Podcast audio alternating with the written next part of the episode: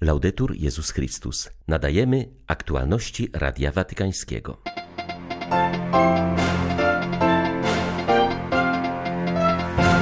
Kardynał Konrad Krajewski zakończył kolejną misję na Ukrainie.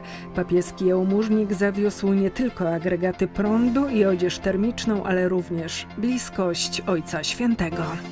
Bóg czuwa nad Ukrainą także w czasie bombardowań, mówi biskup Szerokoradiuk, po tym jak dwie bomby, które wpadły do kościoła w Chersoniu, cudem nie eksplodowały.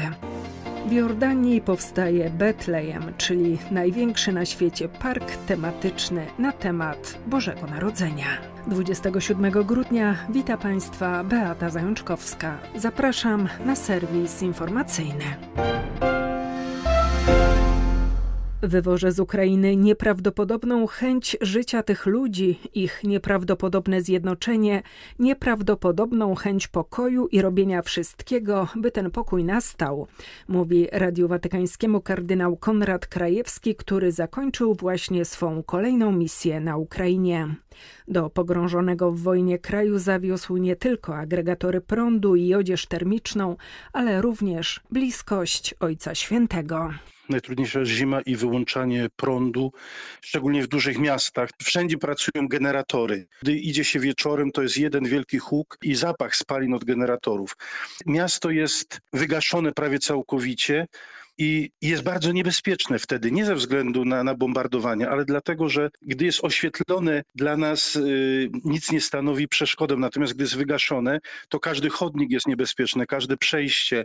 To jest rzecz, kto, z której nigdy sobie nie zadawałem sprawy i wtedy dopiero myślałem o Bożym Narodzeniem, że Jezus to jest ten, który przynosi światło, który nas wyzwala z ciemności. Więc Ukraina jest pogrążona w tej ciemności i to Boże Narodzenie naprawdę jest taką nadzieją, że tak jak wojna przyszła nagle, tak i pokój na, na Ukrainie zapanuje nagle. Ja cały czas żyję tymi przeżyciami pośród dominikanów, gdzie odprawiałem w kościele mszę świętą, pasterkę przy generatorze, który ofiarował Ojciec Święty z miesiąc temu, właśnie tam dla uchodźców. I tam byli wszyscy, tam byli i prawosławni, i grekokatolicy, i niewierzący i wszyscy spotkaliśmy się w kościele. W Kijowie było też spotkanie z arcybiskupem Szewczukiem, który jest odpowiedzialny za Kościół grekokatolicki i też razem radowaliśmy się z, z tak wielu osób, które w tym tragicznym momencie dla Ukrainy dzieli się wszystkim, co ma. Wiem, co to znaczy. Spałem y, w mieszkaniu, gdzie nie było, razem z Dominikami, gdzie nie było grzewania, gdzie nie było prądu. Cierpieliśmy tak samo jak każdy, kto dzisiaj jest na Ukrainie i, i ponosi konsekwencje tej brutalnej wojny. Kardynał Krajewski na bieżąco informował Ojca Świętego o przebiegu swej misji. Opowiedział Franciszkowi między innymi o jedności Kościoła na Ukrainie. To mówię Ojcu Świętemu, że kiedy przejeżdżałem przez granicę, to w końcu jeden z celników do mnie mówi, ksiądz to jest chyba jakiś y, z mafii, bo nie możemy skontrolować, a ciągle ksiądz coś przewozi, a samochód prawie dotyka asfaltu, bo tak był obciążony. Generatory są bardzo ciężkie, około 50 kilo ważą niektóre, do 100 kilo, te, które my przewoziliśmy. I ja mu powiedziałem wtedy, proszę pana, ja życie, bo te generatory są naprawdę życiem dla Ukraińców dzisiaj. Żeby można było ogrzać mieszkanie, żeby można było naładować telefon i w razie czego wezwać pomoc, żeby można było coś ugotować. Te generatory naprawdę są dzisiaj życiem. O tym Ojcu Świętemu mówiłem. Mówię mu też o tym, że Kościół jest tutaj jeden właściwie. W wielu parafiach, w wielu miejscach wszyscy współpracują, by pomagać. I prawosławni, i grekokatolicy, i łacinicy.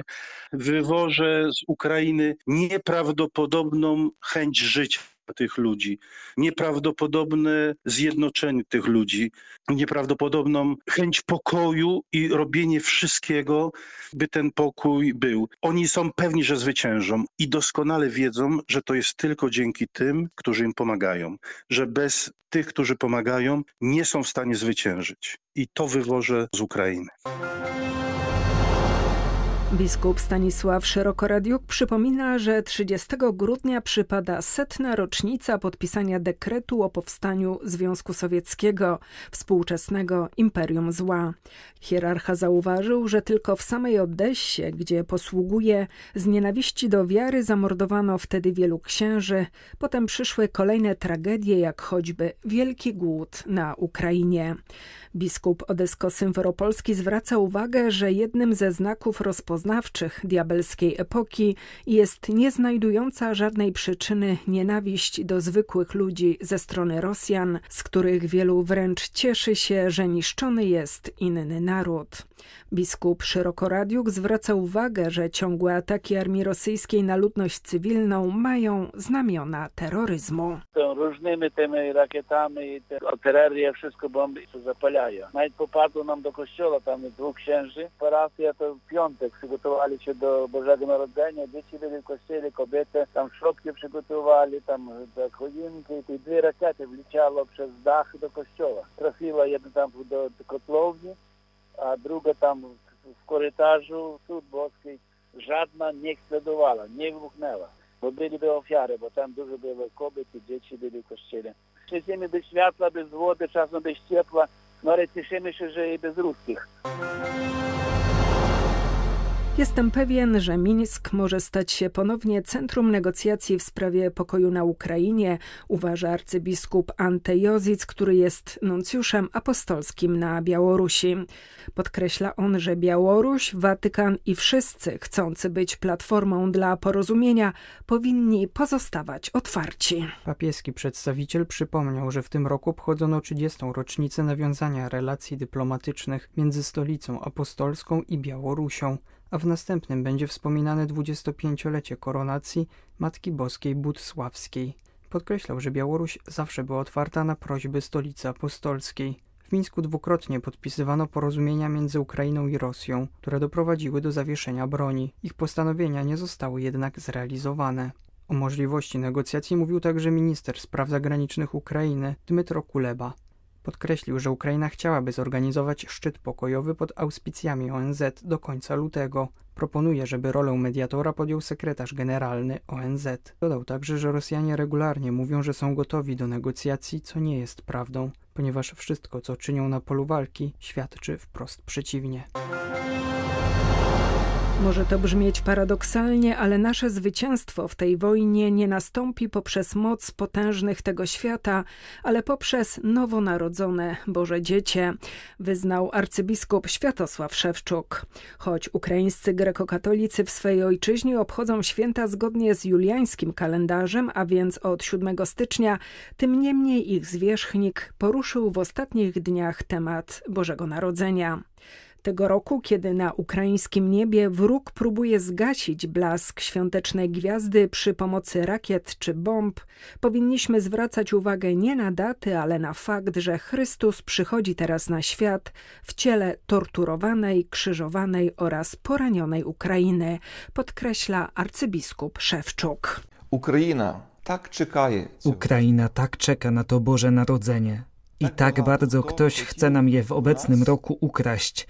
Wróg, który przyszedł na naszą ziemię, pragnie pozbawić nas wszystkiego.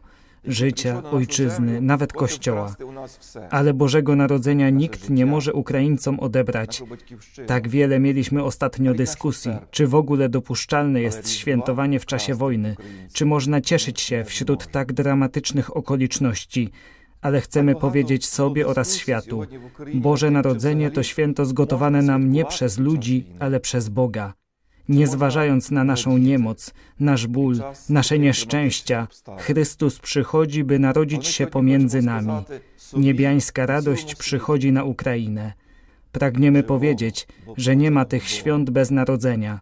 Sens tego czasu stanowi radość z obecności między nami żywego, wcielonego Boga. Przyjmijmy ową bożonarodzeniową radość pod postacią maleńkiego dzieciątka, boskiej dzieciny, nowonarodzonego Chrystusa, który dzieli się z nami odwieczną miłością z niebiańską czułością. Niebesną niżnością. Boże Narodzenie papież Franciszek rozmawiał z włoskim wdowcem, którego żona zmarła w wyniku komplikacji po urodzeniu bliźniąt. Były to słowa pocieszenia i dające nadzieję w obliczu cierpienia rodziny, stwierdził towarzyszący rodzinie kapłan, który w mediach społecznościowych poinformował o papieskim telefonie. 41-letnia Viviana Delego zmarła 22 grudnia po urodzeniu bliźniąt w szpitalu w Brindisi. Kobieta osierociła także sześcioletnią córeczkę. O tej tragedii poinformował Ojca Świętego proboszcz parafii, do której należy rodzina, a papież postanowił zadzwonić do młodego ojca i wdowca. Ksiądz Donato Luzzi Podkreślił, że dla cierpiącego mężczyzny ta rozmowa była ogromnym pocieszeniem. Doświadczyliśmy serca pasterza, który jest czuły i bardzo wrażliwy, oraz matczynej bliskości Kościoła, widzialnej w pokornych gestach papieża, napisał kapłan w mediach społecznościowych. Włoskie media publikują też list, jaki Giacomo Coffano przesłał do lekarzy i pielęgniarek po śmierci swej żony. Dostali go pracownicy oddziału reanimacji, którzy, jak napisał mężczyzna, byli prawdziwymi aniołami, którzy z wielkim oddaniem, profesjonalizmem i ludzką czułością próbowali do końca uratować jego żonę. Za pomoc podziękował także personelowi oddziału neonatologii, na którym przebywają bliźnięta, które przyszły na świat przedwcześnie. O swej modlitwie za rodzinę, jak i personel medyczny w tym trudnym czasie zapewnił papież Franciszek.